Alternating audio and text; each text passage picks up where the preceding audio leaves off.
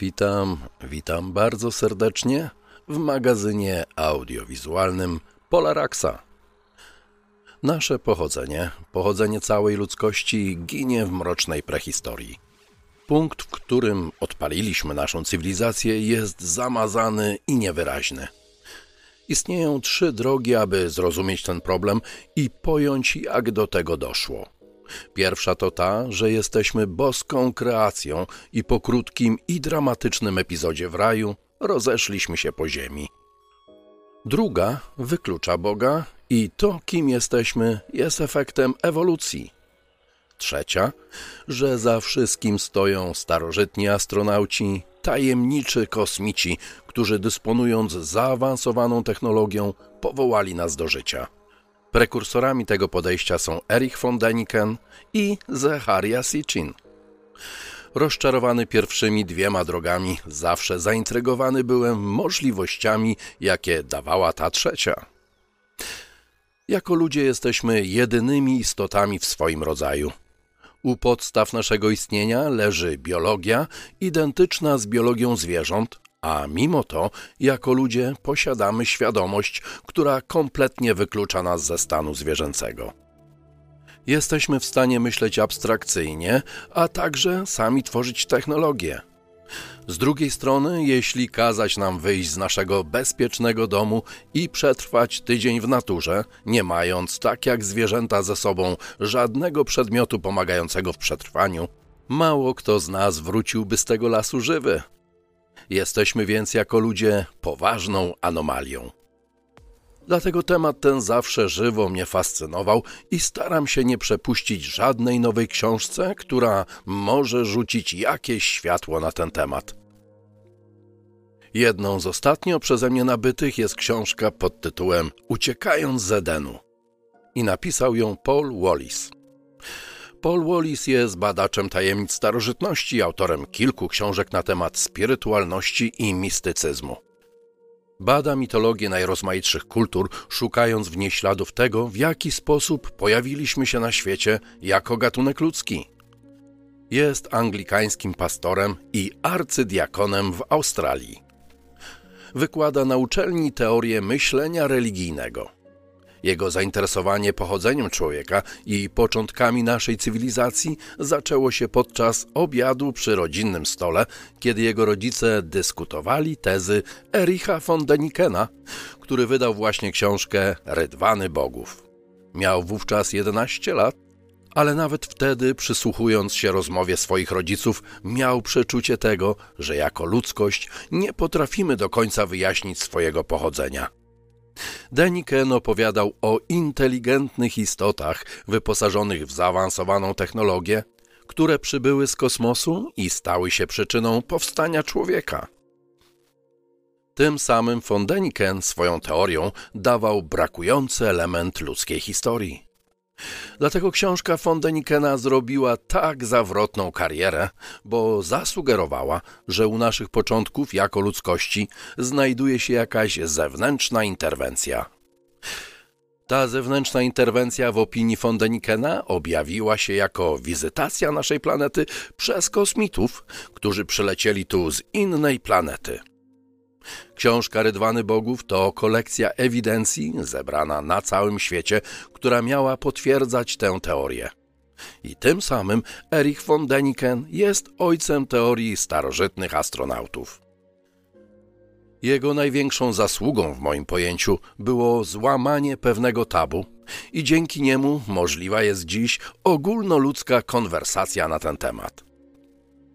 Ta idea żywo odcisnęła się na Wallisie i nawet fakt, że od 33 lat jest anglikańskim duchownym, nie przeszkadza mu szukać odpowiedzi innej od tej, jaką podpowiada mu Pismo Święte jego kościoła.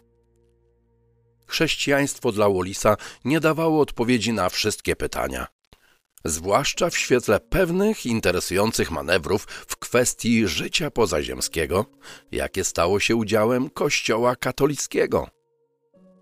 W 2009 roku doszło do niezwykłego wydarzenia, którego katalizatorem był papież Benedykt XVI, który zwrócił się do Pontyfikalnej Akademii Nauk o to, aby zorganizowano kolokwium, które trwało pięć dni. I tematem kolokwium było teologiczne implikacje kontaktu z obcą cywilizacją. Taki temat w Watykanie, proszę Państwa, wyrywa każdą szczękę z zawiasów. Benedykt XVI był jednym z najbardziej konserwatywnych papieży ostatniego stulecia, a mimo to niemalże bez ostrzeżenia zebrał wszystkich swoich najlepszych uczonych, aby wygłosili swoją opinię na ten temat. Jeszcze 400 lat temu za takie pytania można było zostać spalonym na stosie, tak jak Giordano Bruno. Tak więc, proszę Państwa, ci szacowni uczeni nie mówili o wodzie na Marsie czy mikrobach w ogonie komety. Mówili o innej, pozaziemskiej, inteligentnej i rozwiniętej technologicznie cywilizacji. Mówili o ludziach jak my, ale żyjących na innych planetach. Najsławniejszą osobą tego kolokwium okazał się ojciec Jose Gabriel Funes, dyrektor Watykańskiego Obserwatorium Astronomicznego. Powiedział on, że musimy być na takie spotkanie gotowi, bo dojdzie do niego szybciej niż przewidujemy. Musimy być gotowi uściskać naszych braci i siostry z innej planety. I taka odpowiedź ważnego dostojnika Kościoła i szefa jego ramienia naukowego sugeruje, że Watykan wie coś, z czym się nie dzieli i szykuje się do wyjścia temu naprzeciw. Innym ważnym astronomem Watykanu był ojciec Guy Consil Magno. I powiedział on, że nie powinniśmy myśleć o kosmitach jako o obcych, bo istoty te są dziełem tego samego kreatora, którym jest Bóg. Powiedział też, że nie powinniśmy być zaskoczeni tym, że nie jesteśmy sami w kosmosie, bo taka informacja jest zawarta w Biblii w obu testamentach. Z pewnością każdy z Państwa, kto nieco częściej czyta Biblię, jest takim oświadczeniem zaskoczony. Mam Biblię przeczytaną, a niektóre księgi po kilka razy i na nic podobnego nie natrafiłem. Co miał na myśli ojciec Consil Magno? I wszystko, proszę Państwa, zależy od tego, jak się czyta Biblię. I już w szóstym rozdziale Księgi Rodzaju jest na przykład mowa o hybrydyzacji – Nefilim, synowie Boga, upadłe anioły, łączą się z ziemskimi kobietami. I wynikiem tego jest ludzka hybryda z istotą pozaziemską. I tą hybrydą są giganci. Obecny papież Franciszek powiedział, że wiara w istnienie życia pozaziemskiego nie wyklucza wiary w Boga. Nie jest to nowe stwierdzenie, bo ojcowie Kościoła w pierwszych wiekach poprzedniego milenium Wierzyli, że kosmos jest pełen istot innych niż ludzie i że istoty te odwiedzały Ziemię. Było to myślenie mocno obciążone filozofią Platona i nie widzieli oni konfliktu pomiędzy Bogiem, Jezusem i istotami pozaziemskimi. I niesamowite jest to, że Kościół za wszelką cenę stara się ratować swoją pozycję i swoją instytucję i sięga do ojców Kościoła, których nauka została odrzucona na Soborze Nicejskim, gdzie ustalono ostateczną wizję Kościoła, jego misję i dogmaty wiary. I nie ma tam miejsca na żadną konkurencję dla nieziemskiego Boga. To zagrożenie dla chrześcijaństwa ze strony kosmitów widzą nie tylko katolicy, ale włączył się w tę dyskusję anglikański arcydiakon Wallis, którego książkę Uciekając z Edenu przeczytałem. I jeśli miałbym dać krótką recenzję tej książki, to jest ona bezwartościowa. Autor plącze się w tych samych problemach, które na gruncie religijnym dawno już wyjaśnili religijni teologowie, jak na przykład rozumienie terminu Elohim, który pokazuje, że Bóg nie był wcale pojedynczy, ale w dwóch osobach. I tłumaczenie Kościoła jest trudne do traktowania serio. Anthony Wallis natrafia w swojej książce na podobną sytuację, do której dotarli już inni wcześniej. Okazuje się bowiem, i to całkiem niedawna, że cały fundament religii, takich jak judaizm i chrześcijaństwo, oparty o Stary Testament, nie jest księgą objawioną, a starożytnym plagiatem. Większość starotestamentowych historii powstała dwa tysiące lat wcześniej i została przez Hebrajczyków przetworzona na swój użytek, który, jak się okazuje, objął swoimi wpływami większą część ludzkości. Gdyby nie wykopaliska archeologiczne i powstanie sumerologii, do dziś bylibyśmy przekonani, że Biblia jest najstarszym zapisem dziejów ludzkości i jej metafora pozostawałaby nienaruszona. Ci, którzy promują tę księgę, przewidzieli taki rozwój wypadków już dawno. I na tej samej bazie stworzyli szereg rozmaitych religii, które są na niej oparte, łącznie z masonerią, ateizmem, bolszewizmem i religią weganizmu, a także globalnego ocieplenia. Wszystko ma te same podstawy i oparte jest na tej samej metaforze. Dlatego dziś nieoczekiwanie pozostała do rozegrania jeszcze jedna karta, którą jest UFO i istoty lub choćby życie pozaziemskie. I jest to niebezpieczna karta i trzeba ją ostrożnie rozgrywać, bo łatwo wpadkę, z której wyjść już się nie da. Z tego wynika moja krytyczna ocena twórczości Sitchina, który stworzył taką UFO-Ewangelię, która odwracając uwagę od biblijnych plagiatów, przechowywała całą machinę, która tak świetnie sprawdziła się w manipulowaniu ludzkością. Dlatego księga, proszę Państwa, że tak to nazwę, to shapeshifter, bo nieustannie zmienia swoją postać, udając coś innego, ale w gruncie rzeczy pozostając sobą. Zmieniają się kostiumy, ale scenariusz pozostaje ciągle taki sam i jego celem jest pełna kontrola nad człowiekiem. Dlatego sumeryjskie tabliczki są tak bardzo groźne. W przygodach Gilgamesza opowiadałem Państwu o tym, że może być tam zawarty pomysł na nową zabójczą technologię, a może być także zawarty w nich przekaz, kim naprawdę jesteśmy i kim byli ci, którzy powołali nas do życia. I to bynajmniej nie w sensie sichinowskim, a w prawdziwym sensie, który można odkryć pod warunkiem, że dowiemy się, kim byli Anunnaki. Jak się zapewne Państwo domyślacie, desperacko szukam informacji na ten temat. Obecna sytuacja z wirusem uniemożliwiła mi spotkanie z profesorem Michałowskim, który jest jednym z najwybitniejszych sumerologów na świecie.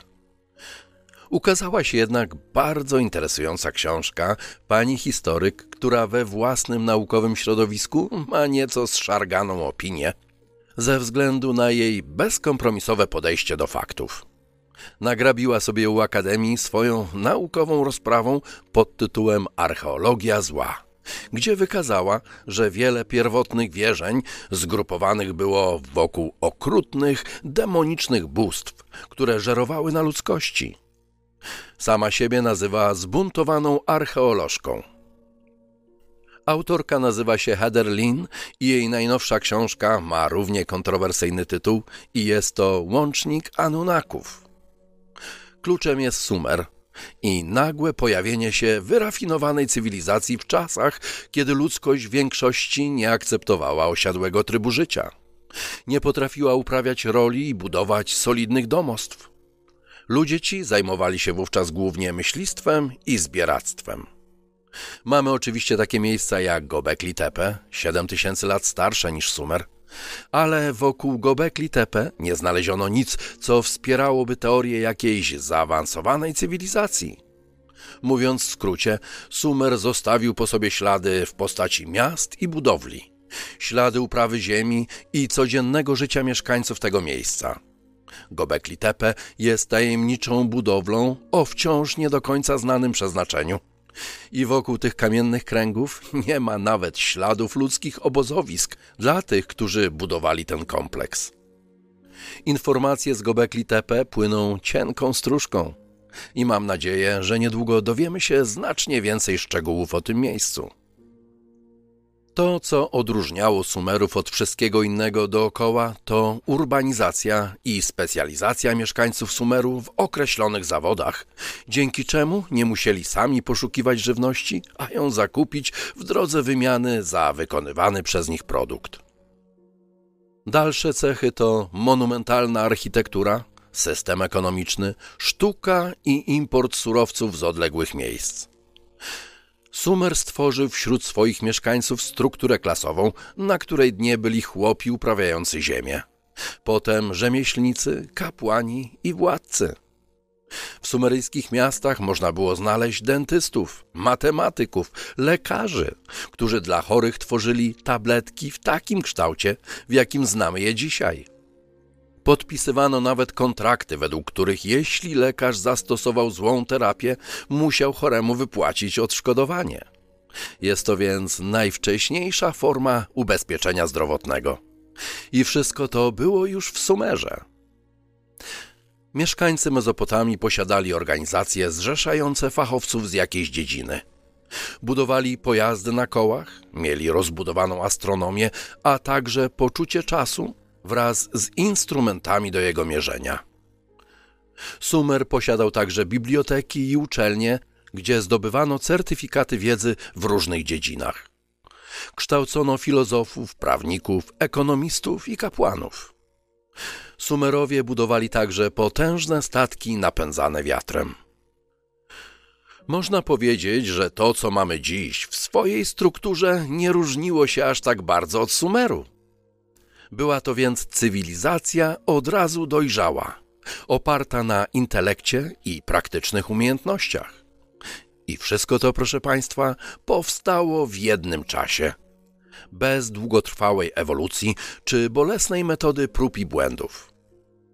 Ten niezwykły i wręcz magiczny sposób powstania Sumeru ma w historii swoją nazwę i jest to tak zwany problem Sumeru, bo nikt nie wie, jak doszło do powstania Sumeru i skąd się w ogóle to społeczeństwo wzięło. Wszystko bowiem powstało nagle, bo w przeciągu około 200 lat. I wszystko, co wymieniłem, powstało z niczego.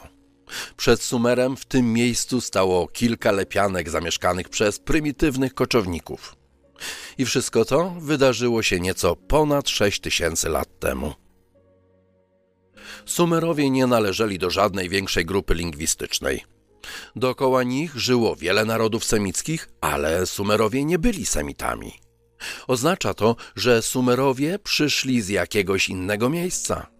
I problem w tym, że nie wiemy skąd.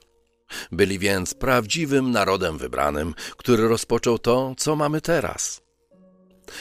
Na tabliczce zwanej Enki Porządek Świata Bóg Enlil zapisał szereg instrukcji dla ludzi mieszkających w miastach, które sam założył. Enlil przekazał te instrukcje swojemu bratu Enki, który miał je przekazać ludziom. Instrukcje te nazywały się Mes i były przeznaczone dla zaawansowanej cywilizacji. Zawierały w sobie sposób, w jaki ludzie mają zorganizować swoje życie – w jaki sposób kultywować swoje życie religijne, jak powołać do życia instytucje socjalne itd. Tak Był to w sensie dosłownym przepis na stworzenie cywilizacji. Nazwa tych instrukcji MES dała początek nazwie, jaką nadano całemu temu regionowi i była to Mezopotamia, co także tłumaczy się jako pomiędzy dwiema rzekami – jednak słowo pomiędzy sugeruje porozumienie właśnie pomiędzy bogami a człowiekiem. Było to więc, proszę Państwa, i tu proszę zwrócić uwagę na te słowa, pierwsze przymierze, pierwszy testament pomiędzy bóstwem a człowiekiem. Sitchin swoimi kolorowymi opowieściami zrobił z tematu Anunnaków prawdziwą marmoladę w mózgu. Mówiąc Anunnaki, wyobrażamy sobie wielkich, brodatych facetów, gdy tymczasem ich natura nie była jednolita. Mogła być biologiczna, półbiologiczna i zupełnie duchowa. Pytanie, kim byli Anunnaki, to wciąż pytanie za milion dolarów i dlatego najważniejszym zadaniem jest odnaleźć ten tytułowy łącznik lub łącznika z książki pani Lin coś lub kogoś, kto jest w stanie wyjaśnić fenomen Anunnaków. Człowiek był im potrzebny do znacznie większej ilości rzeczy niż tylko rola służebna, wydobywanie złota czy uprawa roli. To, co dziś można ustalić, to, że Anunnaki były zaawansowanymi, żywymi istotami, które osiadły na Bliskim Wschodzie około ósmego tysiąclecia przed naszą erą. Istoty te przyniosły ze sobą wiedzę i technologię, której nigdy wcześniej nie widzieli myśliwi zbieracze, czyli żyjący w tym rejonie ludzie. Być może byli to ludzie tacy jak my, ale byli w stanie przybierać postać biologiczną, półbiologiczną, a nawet postać ducha lub demona, albo wykorzystywać takiego ducha czy demona do swoich celów. Demon mógł być istotą spirytualną albo nawet międzywymiarową. Można także założyć, że była to grupa istot, którzy przetrwali potop i byli pozostałością po takiej przedpotopowej cywilizacji jak Atlantyda, Lemuria czy Mu. I ludzie ci przechowali swoją wiedzę, przekazali ją Sumerom, jednocześnie przejmując nad nimi władzę. W późniejszych latach, czyli tych bliżej naszej ery, Anunnaki zaczęto kojarzyć z mędrcami i królami, ale to skojarzenie zapewne nie ma nic wspólnego z oryginalnym pojmowaniem Anunnaków we wczesnym Sumerze. Anunnaki byli istotami, które posiadały siłę i moc i z czasem te atrybuty zaczęto przypisywać władcom. I wówczas oznaczało ono tyle co Pan, tak jak się mówi Pan Jezus, Pan Bóg, Pan Kryszna. I z tego powodu ustalano więzy krwi, jakie łączyły tych władców z mitycznymi Anunnakami. Anunnaki uprawiali praktyki magiczne. Jedną z nich było nawiązanie kontaktu z jakąś istotą poza naszą planetą. Istota ta nie była istotą ludzką, ale była również uważana za Anunnaka. Doradzała ona władcy, który aby skutecznie rządzić, musiał stworzyć hierarchiczny system biurokratyczny, który jest modelem każdego późniejszego systemu socjalnego na świecie. Po ostatniej epoce lodowcowej poziom morza zaczął wzrastać w średnim tempie 1 metr na stulecie. Na początku gwałtownego topnienia lodowca było to nawet 3 metry na stulecie i coś takiego można nazwać potopem. Poziom wody wzrastał przez 6 tysięcy lat, aż do momentu, który w historii nazywamy Ubajt, czyli około 6200 lat przed naszą erą. 500 lat później powstaje miasto Ur i Eridu. Miejsce to w tamtych czasach przypominało raj. Miało doskonały klimat, żyzną glebę, lasy rojące się od zwierzyny. I dziś nazywamy to miejsce żyznym półksiężycem albo Mezopotamią, i z tego powodu miejsce to było magnesem dla wielu koczowniczych plemion. I wówczas w tym miejscu pojawiła się grupa, nazwijmy to ludzi o ogromnej mądrości i wiedzy. Sprawiają wrażenie, że są oni tymi, którzy przetrwali po gwałtownym upadku jakiejś wielkiej cywilizacji, która zginęła w falach potopu. Obserwowali, jak ludzie dają sobie radę po potopie i nazywali ich czarnogłowymi, czyli ludźmi o czarnych włosach. I jest to interesujące, jaki był ich motyw, że nazywali w ten sposób tych ludzi. Czyżby wyglądali inaczej? Mieli inny kolor włosów? Inną dziwną sytuacją jest używanie przez tych przybyszów słowa Adam albo Adama. I w ten sposób mówili do czarnogłowych. Słowo to wywołuje ogromną ilość kontrowersji i sposobów jego wytłumaczenia. Najpowszechniej uważa się, że słowo to oznacza czerwonego człowieka. I zastanawiano się, dlaczego ten człowiek miałby być czerwony. I okazało się, że tysiące lat temu ludzie malowali na swoim ciele rozmaite znaki i ozdoby czerwoną ochrą, która jest tam w dużych ilościach.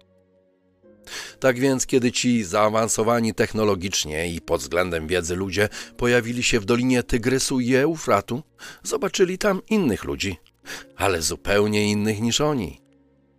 Przybysze szybko zdali sobie sprawę z przewagi, jaką mają nad czerwonymi ludźmi i sami siebie mianowali bogami. I czerwoni ludzie o czarnych głowach musieli dla nich pracować. Utrzymywali tych ludzi w stanie błogosławionej niewiedzy. Ci przybysze dla czarnogłowych tubylców byli także zjawiskiem. Wyglądali inaczej od nich i mieli niepokojącą wiedzę. Byli lepiej zbudowani, choć może nazywanie ich gigantami jest przesadą. Ludzie w Mezopotamii stawiali swoje pierwsze kroki w rolnictwie i być może z tego powodu byli znacznie wątlejszej budowy niż przybysze. Jeśli więc ci przybysze pochodzili z jakiejś przedpotopowej cywilizacji, to na ich temat wiemy bardzo niewiele. Jeśli posiadali wiedzę i technologię, nie wiemy skąd ona pochodziła. Nie wiemy w co wierzyli i w ogóle kim byli. Część tej wiedzy o nich, o przedpotopowych przybyszach zwanych Anunnakami, zapisano na glinianych tabliczkach. Historie i legendy na temat ich pochodzenia musiały mocno zakorzenić się w ludzkiej wyobraźni, bo niemalże każdy panteon politeistycznych bogów nawiązuje do tych przybyszów, nazywając ich istotami boskimi. I widać to wyraźnie na przykład w mitologii greckiej. Spotkanie przybyszów z ludźmi mieszkającymi w Mezopotamii wywarło na tych drugich ogromne wrażenie i przeszło ono najpierw w tradycję oralną, a potem zostało uwiecznione w zapisie. Zapis jednak trzeba czytać ostrożnie, bo tak jak w grze w głuchy telefon. Słowa powtarzane, przepisywane i podawane dalej zaczęły nabierać innego znaczenia i wykoślawiać oryginalną historię. Ci przybysze nie byli bynajmniej potulnymi barankami. Wykorzystywali człowieka bezwzględnie i bezlitośnie. Doszło do tego, że mieszkańcy Mezopotamii zakazali swoim ludziom, aby dochodziło do kontaktów z przybyszami, a zwłaszcza tych intymnych. Co znów odbija się echem w księdze rodzaju i rasie Nefilim, którzy upodobali sobie ziemskie kobiety, które rodziły gigantów. Wszystko wskazuje na to, że z czasem potomstwo, jakie rodziło się ze związków z Anunnakami, zostało zdemonizowane, a później ścigane i zabijane. Kimś takim musieli być Kananejczycy, których doszczętnie eksterminowali Hebrajczycy. Ludzie bali się Anunnaków i musieli mieć się czego bać, skoro posłusznie robili to, co chcieli od nich Anunnaki – Anunnaki musieli mieć do swojej dyspozycji coś, co było w oczach tamtego człowieka nie z tej ziemi. I kto wie, może nawet dla nas taki straszak wyglądałby jak magiczny miecz. Wspominałem niedawno o akcie stworzenia, jaki jest opisany w Księdze Rodzaju, która ma swoje źródła w historiach starożytnego Sumeru. Jest tam mowa o tym, że narzędziem sprawczym powstania świata było Słowo Boże. Słowo a więc dźwięk. Dźwięk ma zdumiewające właściwości i zaczynamy je dopiero rozumieć i doceniać w XXI wieku. Dźwiękiem zajmuje się nauka zwana cymatyką, która bada sposób, w jaki dźwięk manifestuje się w fizycznej formie. Pionierem badań w tej dziedzinie był Hans Jeny. Tak więc dźwięk jest narzędziem kreacji. Dźwięk tworzy kształt cymatyczny, gdy na przykład na płycie rozsypać piasek i pod płytą umieścić źródło dźwięku. I dzięki temu można zobaczyć kształt dźwięku. Każda częstotliwość dźwięków ma swój charakterystyczny kształt. Taki kształt mają na przykład południowoafrykańskie kamienne kręgi, gdy popatrzeć na nie z lotu ptaka. Jeśli mówimy o technologii, jaką posiadała zaginiona cywilizacja, Atlantyda. Rzadko mówimy o dźwięku, bo nadal sobie w naszej cywilizacji z nim nie radzimy. To, proszę Państwa, jeszcze jeden powód, dlaczego tak ściśle kontroluje się posiadanie sumeryjskich tabliczek. Informacje tam zawarte są nie tylko szokujące, ale i niebezpieczne, bo zawierają informacje także o technologii dźwiękowej, obok zapewne wielu innych. Opowiadałem Państwu o tym w przygodach Gilgamesza. Taką technologią wykorzystującą dźwięk są sasery, dźwiękowe lasery, które mogą stać się potężną bronią przeciwko samolotom czy okrętom. I technologia ta jest nadal tajna. Jeśli nasza planeta wydaje z siebie dźwięk, jak mawiał Tesla, dzwoni jak dzwon, a jednym z takich znanych dźwięków, jakie wydaje Ziemia, jest rezonans Schumana, to Anunnaki mieli do swojej dyspozycji niekończące się nigdy źródło energii. Nic dziwnego, że człowiek wolał być posłuszny istotom, które nazywały siebie bogami.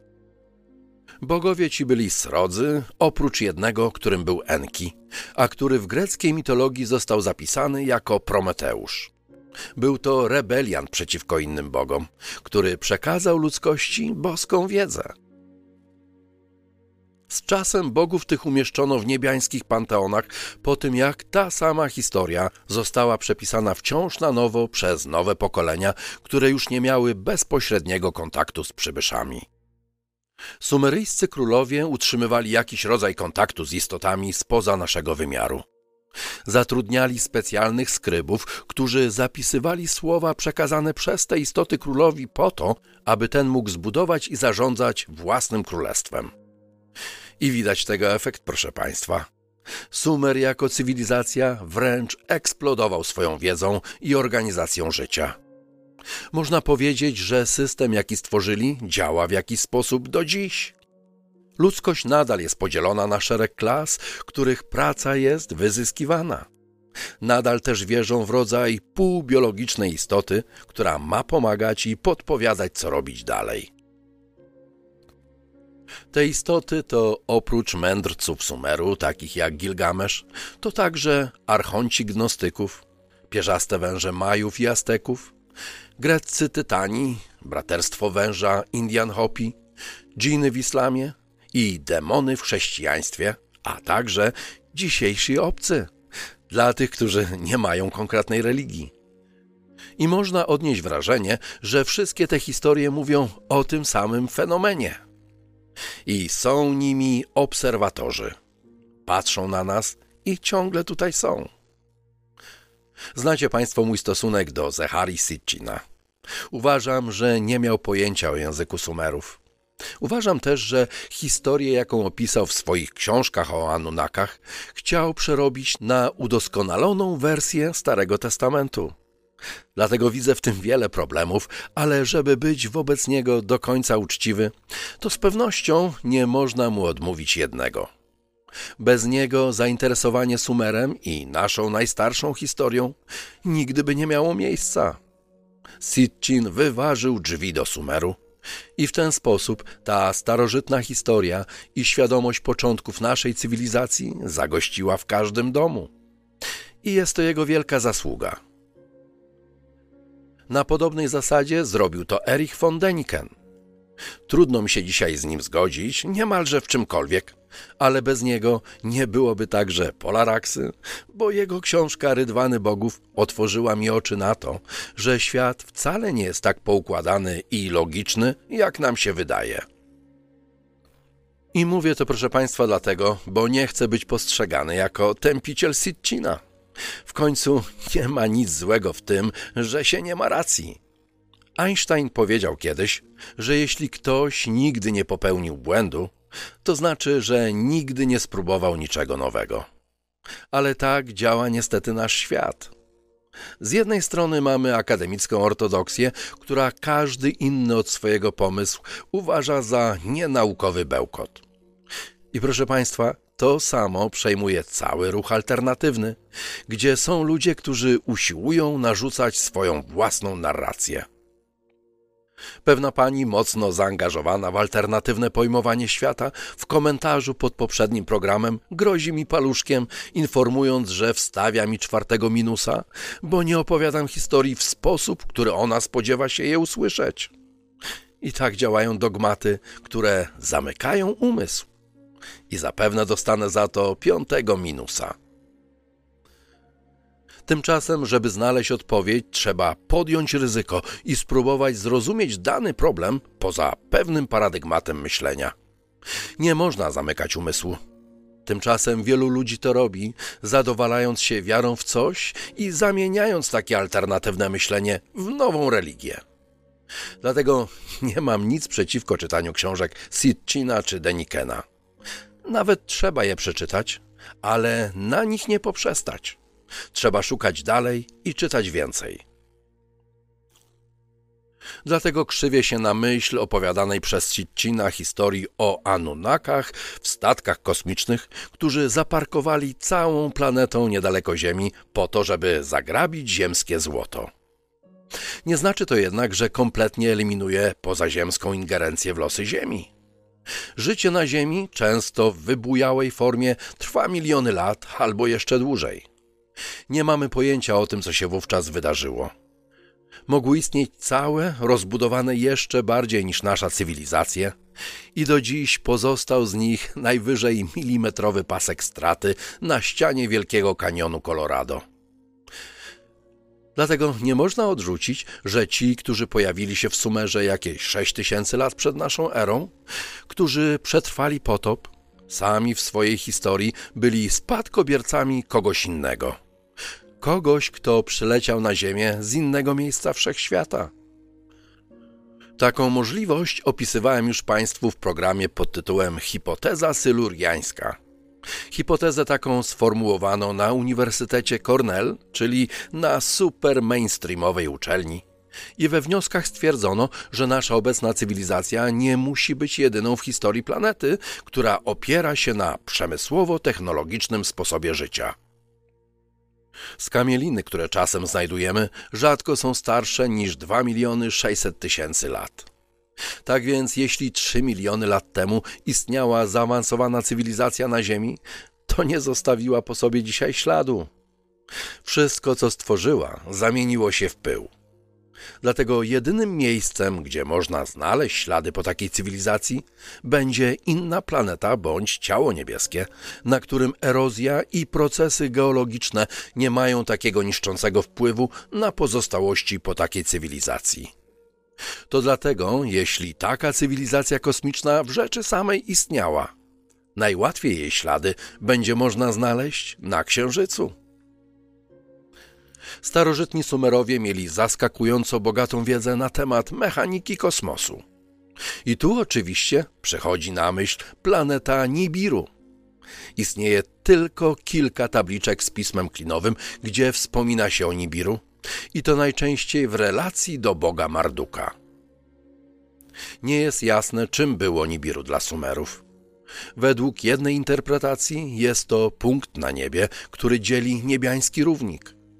Miejsce, gdzie Tiamat jest drogą mleczną i to właśnie tam znajduje się punkt Nibiru. Jeśli ktoś jest dobrze zorientowany w kulturze starożytnego Sumeru, to bardzo trudno jest mu uznać Nibiru jako planetę czy inny obiekt kosmiczny. Dziś udało się odtworzyć sumeryjskie niebo i zidentyfikować wszystkie obiekty kosmiczne, jakie obserwowali Sumerowie, i na tej mapie nie ma miejsca na planetę Nibiru. Jeśli uznać, że Nibiru było drugą nazwą innej znanej planety, to kandydatem na Nibiru jest Jowisz, ale także Merkury. Istnieje nawet hipoteza, że Nibiru może być Syriuszem. Prawda jest taka, że najlepsi sumerolodzy nie wiedzą, co to jest Nibiru. Z pewnością to, co opisał Sitchin, jest kompletną fantazją autora o pasażerach Nibiru, który całą koncepcję przejął od Wielikowskiego.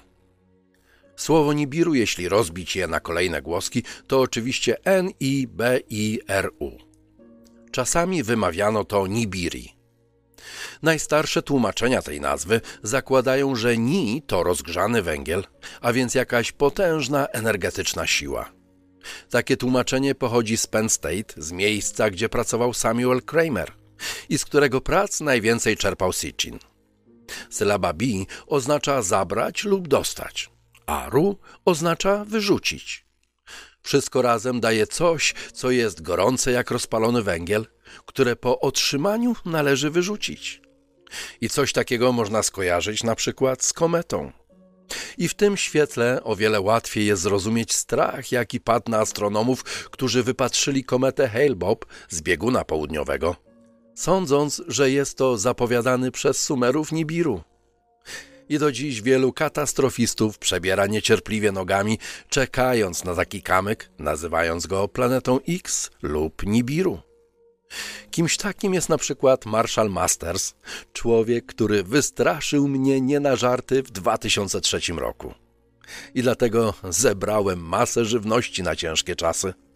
I potem jadłem to przez następne 10 lat, by ostatnio odkryć dwa zapomniane wielkie pudła pełne fasoli. Pudeł przez lata nikt nie otwierał, sądząc, że są to stare dekoracje choinkowe. Fasola po 17 latach przechowywania swobodnie wykiełkowała, czyli zachowała pełną energię życiową i przynajmniej dwa razy w tygodniu trafia do mojego menu. Ale wracając do sumeryjskich tekstów i Nibiru, może jednak jest w tym katastroficznym podejściu do tego obiektu ziarno prawdy. I teksty te ostrzegają nas przed czymś, ale jeszcze nie wiemy, co to jest i kiedy to będzie. Nie wiemy, bo nasz poziom rozumienia sumeryjskich tekstów jest nadal podstawowy. Tabliczka z numerem rejestracyjnym V8243 w jakiś sposób nawiązuje swoim wizerunkiem do Nibiru, który można zinterpretować w każdą dowolną stronę. Można ją zinterpretować jako przeprawianie się przez kosmos, ale na tej samej zasadzie Charon przeprawiał zmarłe dusze na drugą stronę Styksu. Jeśli patrzeć na to w sensie kosmicznym, to zamiast widzieć w tym planetarny pojazd kosmiczny Anunnaków, można także zobaczyć coś, o czym opowiadałem Państwu w ostatniej audycji. Przeprawy takiej duszy, czy świadomości istoty, do równoległego wszechświata, który działa odwrotnie niż nasz. Proszę tylko pomyśleć, o ile łatwiej byłoby to nam zrozumieć, gdyby nie oddzielano astrologii od astronomii. Przez to straciliśmy holistyczne podejście do poznania. Dlatego dziś, po wiekach prania umysłów, mamy poważne problemy, aby zrozumieć te starożytne teksty i pojąć ich znaczenie. Na podobnej zasadzie oddzielono alchemię od chemii, gdy obie te części są głęboko powiązane ze sobą. Jeśli odciąć je od siebie, tracimy poczucie sensu, tak jednej, jak i drugiej dyscypliny. Chemia sama w sobie staje się nauką mechaniczną. Alchemia z kolei pozbawiona została swojego znaczenia. Dlatego zdając sobie z tego sprawę, w taki całościowy sposób trzeba patrzeć na Anunnaki, które były jednocześnie istotami biologicznymi jak ludzie, ale także istotami półbiologicznymi i istotami spirytualnymi. Do tego dochodzą istoty nie z tego świata. I nie wiadomo nawet, czy pochodzą z jakiejś planety, gdzie znajduje się ich dom. Takie istoty można nazwać istotami międzywymiarowymi. Być może istoty te mogły zmieniać formę, bo były shapeshifterami. Zecharia Sitchin uważał, że Anunnaki opuściły naszą planetę. Wszystko jednak wskazuje na to, że mylił się także i w tym, bo nadal zarządzają ludzkością, tym razem przez członków ziemskiej elity. Pomylił się, bo jako gorliwy wyznawca religii starozakonnej wierzył w nadejście Mesjasza i na tej samej zasadzie w powrót Anunnaków. Anunnaki, jeśli potrafili się zmaterializować i dematerializować, nie mają powodu do opuszczenia naszej planety. Ogromna ilość kultur ma w swoich legendach portale do innych, równoległych światów. Często trudno jest nam to zaakceptować, bo przeszkadza nam w tym wmontowane w nas spirytualne podejście do rozumienia świata. Sitchin jednak nie mylił się w jednym, i to trzeba mu przyznać, że Anunnaki to naprawdę podłe i brutalne istoty, bez serca. Nasza historia jednak tego nie opisuje. Nie opisuje z prostego powodu – to, co znamy pod nazwą historii, jest zapisem określonych interesów danego władcy. Często to, co dziś wiemy z dawnych kronik, jest tym, co chcieli przekazać przyszłym pokoleniom tacy władcy, którzy rządzili w tamtych czasach. Jest to więc rodzaj propagandy. To, co dziś mamy w spadku po Anunnakach, to pieniądze. Wielokrotnie powtarzam w tych programach, że nasza cywilizacja jest zbudowana na ekonomii na ekonomii opartej na rywalizacji i chęci zysku. I to dostaliśmy od Anunnaków. Powstała dzięki temu struktura, która jest globalna i trwa do dziś. Struktura, która sprawiła, że nie ma na całym ziemskim globie pojedynczej istoty, która byłaby zadowolona ze świata, w którym żyje. Nawet rządząca nami elita nie jest zadowolona, bo żyje w strachu, czy ktoś inny nie zabierze im tego, co z takim trudem uzbierali. I nie ma różnicy pomiędzy kapitalizmem i komunizmem, bo i jedno, i drugie jest sterowane przez globalną elitę. Każda rewolucja na świecie jest finansowana przez możnych tego świata. I to oznacza, proszę Państwa, że od dawna jesteśmy zamknięci w ziemskiej kwarantannie, nieustannie rywalizując ze sobą i walcząc ze sobą o nie nasze idee.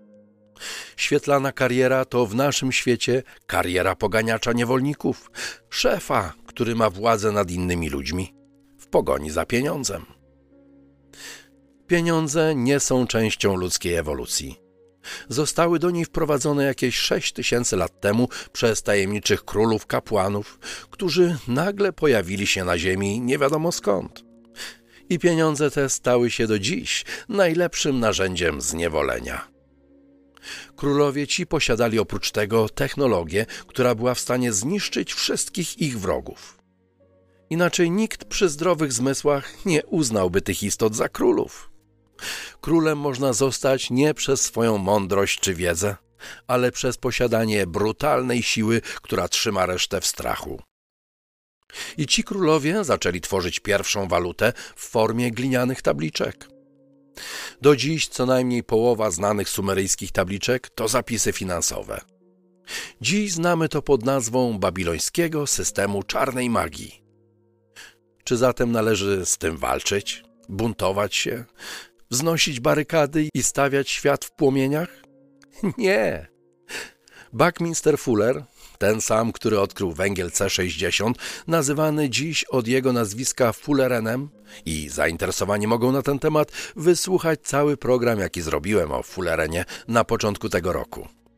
Jest to niezwykły środek i właśnie wczoraj dostałem butelkę tego węgla od mojej córki, która chce przedłużyć życie starego ojca. Dzięki Karolka.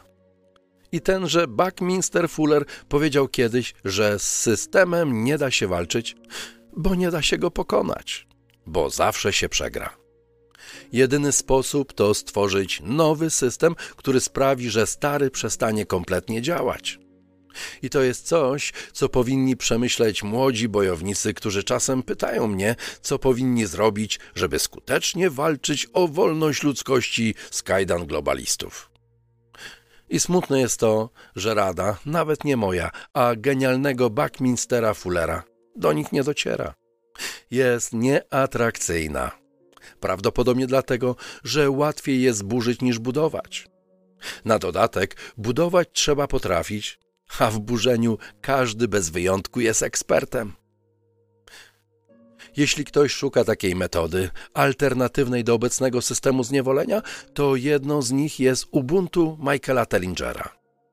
Ubuntu, czyli kontrybucjonizm. Polega on na tym, że dostajesz tyle, ile z siebie dajesz. Jeśli nic nie dajesz, a chcesz tylko brać, odpadasz ze społeczności zdany sam na siebie. Bardzo interesujące podejście, które pokazuje, że są inne możliwości niż polityka czy brutalny bunt. Żyjemy w interesujących czasach i powtarzam tę nieco wyświechtaną frazę już kilka razy. Ale popatrzcie Państwo. Jakieś 6-7 tysięcy lat temu wydarzyło się coś niezwykle dramatycznego, co stało się początkiem naszej cywilizacji dramatycznego do tego stopnia, że wszystko, co wydarzyło się wcześniej, nie nazywamy nawet cywilizacją. I teraz, żyjąc w tych, jak powiedziałem, ciekawych czasach, znów stajemy w jakimś newralgicznym punkcie. W punkcie Nibiru, który zamiecie nas razem z naszą brutalną i w większości krwawą i bolesną historią, tworząc coś nowego, coś zupełnie innego. Koniec świata ale tylko koniec świata, jaki znamy. I to kończy dzisiejszy temat Anunaków. Mam nadzieję, że moja działalność nie jest postrzegana przez Państwa jako sposób na wzbogacenie się, co zresztą bez korporacji za plecami nie jest możliwe. Ale jest moją kontrybucją do systemu, gdzie wszyscy ci, co mnie wspierają, widzą w tym, o czym opowiadam, jakąś wartość. A ostatnio na PayPala wrzutkę zrobił pan Kamil. Dziękuję bardzo, panie Kamilu. Swoje patronowanie Polaraksy rozpoczął pan Adam, pan dwojga imion Prącisław Wierciszparka i pan Cinek. Serdecznie dziękuję panowie. Zawsze pomagają Państwa komentarze, łapki i subskrypcje kanału, przez co YouTube traktuje go poważniej i lepiej ustawia w swoim systemie. Dziękuję za wszystko i do usłyszenia. Mówił Krys Mikina.